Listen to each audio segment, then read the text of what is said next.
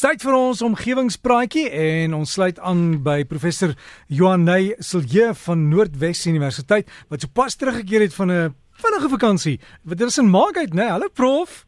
Môre Derek en al die omgewingsvriende. Ja, dis reg, Derek, ons het so vinnig bietjie dae gedraai gaan maak. En was dit goed? Dit was altyd goed, Derek. Vakansie is nooit sleg nie. Ja, ek het nou net 'n boodskap gekry met aan die suidkus hier Fafa. Hulle sê hulle het nou net so ligte halkie daar gehad wat ongewoon is, né?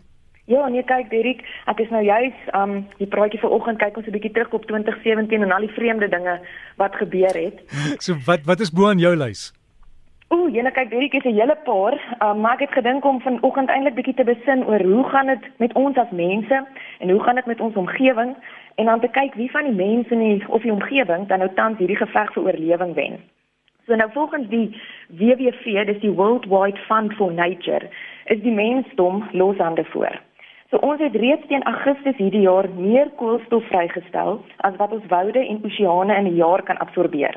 En ons het meer vis gevang en meer bome afgekap en meer geoes en meer water verbruik as wat die aarde in hierdie selfde tyd kon produseer. So nou volgens statistiek is dit bereken dat as alle mense leef soos die gemiddelde Suid-Afrikaner leef, sou die ekwivalent van 1 en 'n half planete nodig wees om genoeg natuurlike hulpbronne te produseer vir ons huidige verbruikspatrone. En kyk dan, het ons nou nog nie eers begin praat oor die bevolkingsgroei nie. Um in 2017 is daar 139 miljoen babas gebore. So dit beteken 250 babas per minuut.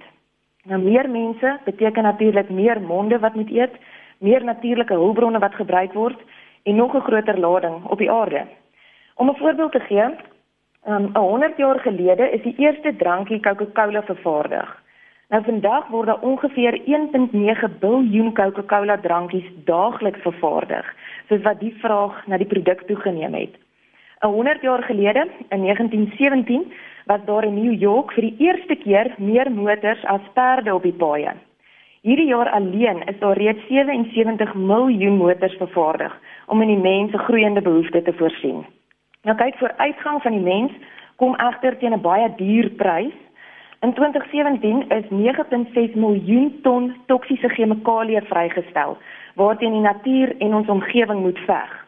Maar ons begin ook die gevolge voel.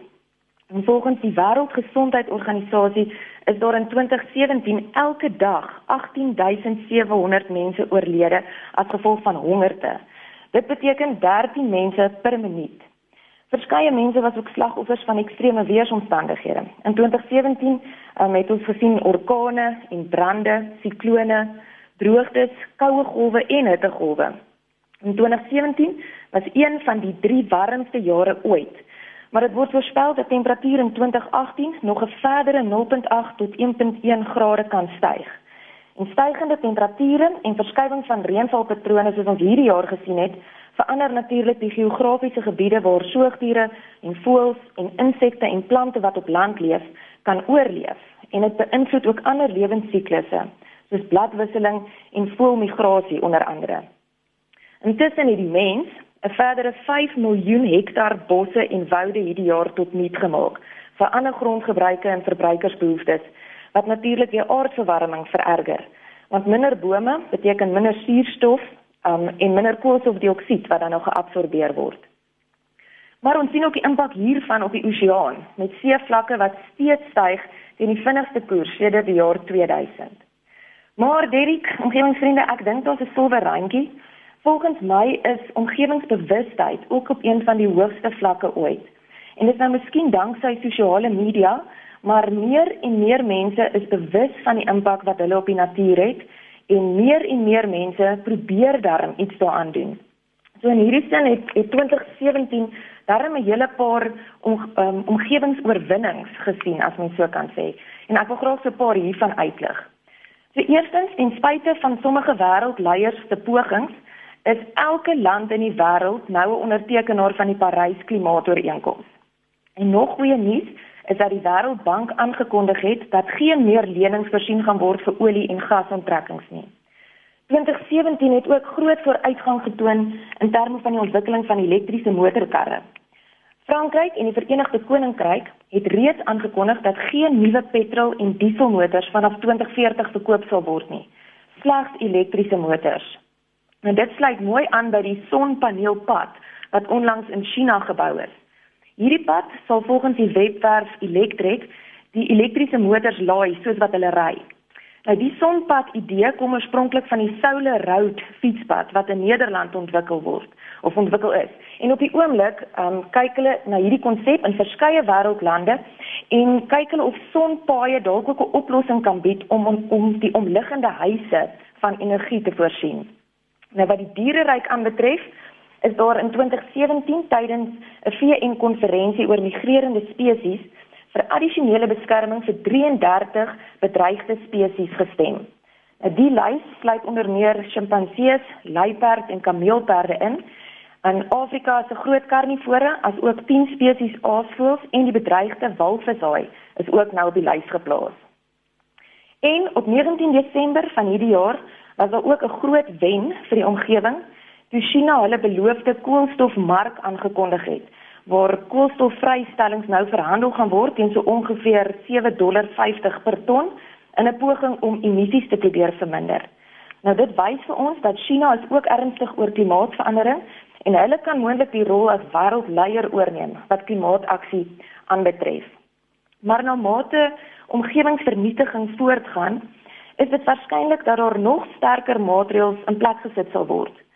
Die VN se klimaatsverandering kongres wat volgende jaar in Pole gehou word, sal vir ons 'n belangrike doeldatum op die 2018 kalender wees om te sien watter verdere aksieplanne ingestel gaan word. Nou 'n ekonom van Oxford met die naam Max Roser het in die week ook baie interessante data gepubliseer van die vordering wat die wêreld die afgelope 200 jaar gemaak het. Soos byvoorbeeld die afname in kindersterftes, asook die afname van ekstreme armoede die verhoogde toegang tot water en onderwys. En volgens hom, ehm um, of hy kom dan dus tot die gevolgtrekking dat vandag se wêreld is gesonder en ryker en beter opgevoed. Nou ek dink dit is belangrik dat ons ten minste besef wat se lank pad ons al gestap het en hoe lewensomstandighede al verbeter het as gevolg van goeie samewerking van verskeie lande en mense. So my groen gedagte vir 2018 is elke bietjie help. So volgens data lyk dit of al die groen inisiatiewe tog 'n positiewe resultaat het. So mag ons in 2018 voortou hierop en ons elkeen probeer om ons eie omgewingsimpak verder te beperk. So mag jy ook 'n voorspoedige en 'n groen 2018 hê. Professor baie dankie. Selfde daai kant en ons sien uit na nog baie groen praatjies in die toekoms. Baie dankie Derrick. Lekker dag vir julle. Selfde dankie. En dit aan professor Johan Heisel hier van Noordwes Universiteit met die omgewingspraatjie en as wil kontak maak omgewingspraatjies by gmail.com. Daar's ook 'n Facebook bladsy omgewingspraatjies gaan hou van die groep. Sal klomp inligting daar kry, maar e-pos is omgewingspraatjies by gmail.com.